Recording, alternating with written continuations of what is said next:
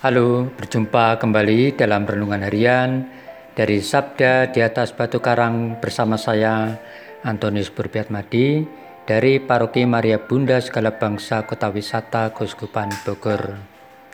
Saudara-saudari yang terkasih, hari ini Senin tanggal 18 Oktober adalah hari biasa pekan ke-29. Hari ini gereja merayakan Santo Lukas pengarang Injil. Tema renungan kita hari ini siap bekerja untuk Tuhan yang terinspirasi dari bacaan kitab suci hari ini. Bacaan pertama dari surat kedua Rasul Paulus kepada Timotius pasal 4 ayat 10 sampai 17b dan Injil suci dari Lukas pasal 10 ayat 1 sampai 9 yang demikian bunyinya. Pada suatu hari Tuhan menunjuk 70 murid. Lalu mengutus mereka berdua-dua mendahulunya ke setiap kota dan tempat yang hendak dikunjunginya. Katanya kepada mereka, Tuayan memang banyak, tetapi sedikitlah pekerjanya.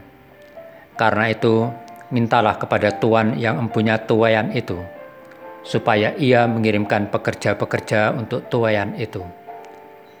Pergilah, camkanlah Aku mengutus kamu seperti anak domba ke tengah-tengah serigala.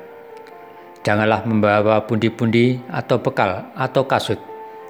Dan janganlah memberi salam kepada siapa pun selama dalam perjalanan. Kalau kamu memasuki suatu rumah, katakanlah lebih dahulu, damai sejahtera bagi rumah ini. Dan jika di situ ada orang yang layak menerima damai sejahtera, maka salammu itu akan tinggal padanya. Tetapi jika tidak, salammu itu akan kembali kepadamu. Tinggallah dalam rumah itu, makan dan minumlah apa yang diberikan orang kepadamu, sebab seorang pekerja patut mendapat upahnya. Janganlah berpindah-pindah rumah. Jika kamu masuk ke dalam sebuah kota dan kamu diterima di situ, makanlah apa yang dihidangkan kepadamu, dan sembuhkanlah orang-orang sakit yang ada di situ. Dan katakanlah kepada mereka, kerajaan Allah sudah dekat padamu. Demikianlah Injil Tuhan. Terpujilah Kristus. Saudara-saudari yang terkasih, karena suatu sebab, misalnya perusahaan bangkrut, pemutusan hubungan kerja atau PHK, batasan usia atau pensiun, atau mungkin kehendak sendiri, sehingga menyebabkan kita tidak bisa bekerja secara formal. Namun, jika kita mempunyai keahlian atau ada kesempatan lowongan yang sesuai dengan kompetensi kita, tentu kita berharap untuk dapat bekerja demi kebutuhan keluarga kita. Saudara-saudari yang terkasih, kehidupan bekerja untuk keperluan keluarga memang terbatas.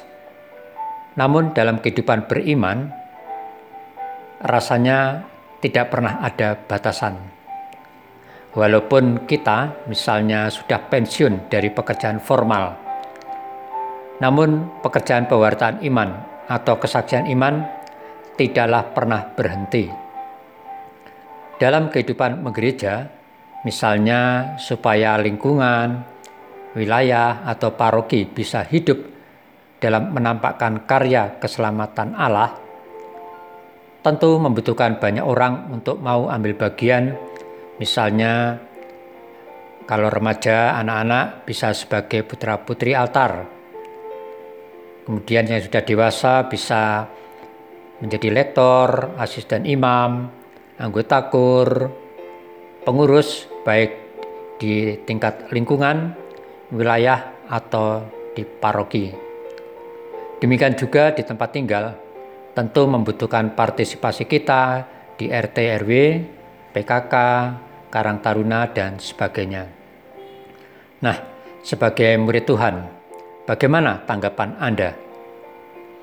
Saudara-saudari yang terkasih, dalam bacaan Injil pada hari ini dikisahkan tentang Yesus yang memberi tugas perutusan kepada 70 muridnya. Yesus sudah melihat prospek masa depan kehidupan iman umat manusia yang begitu banyak, sehingga menjadi tanda petik target pewartaan karya keselamatan Allah. Yesus melihat bahwa di masa depan itu tuayan sangat banyak, tetapi sayangnya sedikit sekali pekerjanya.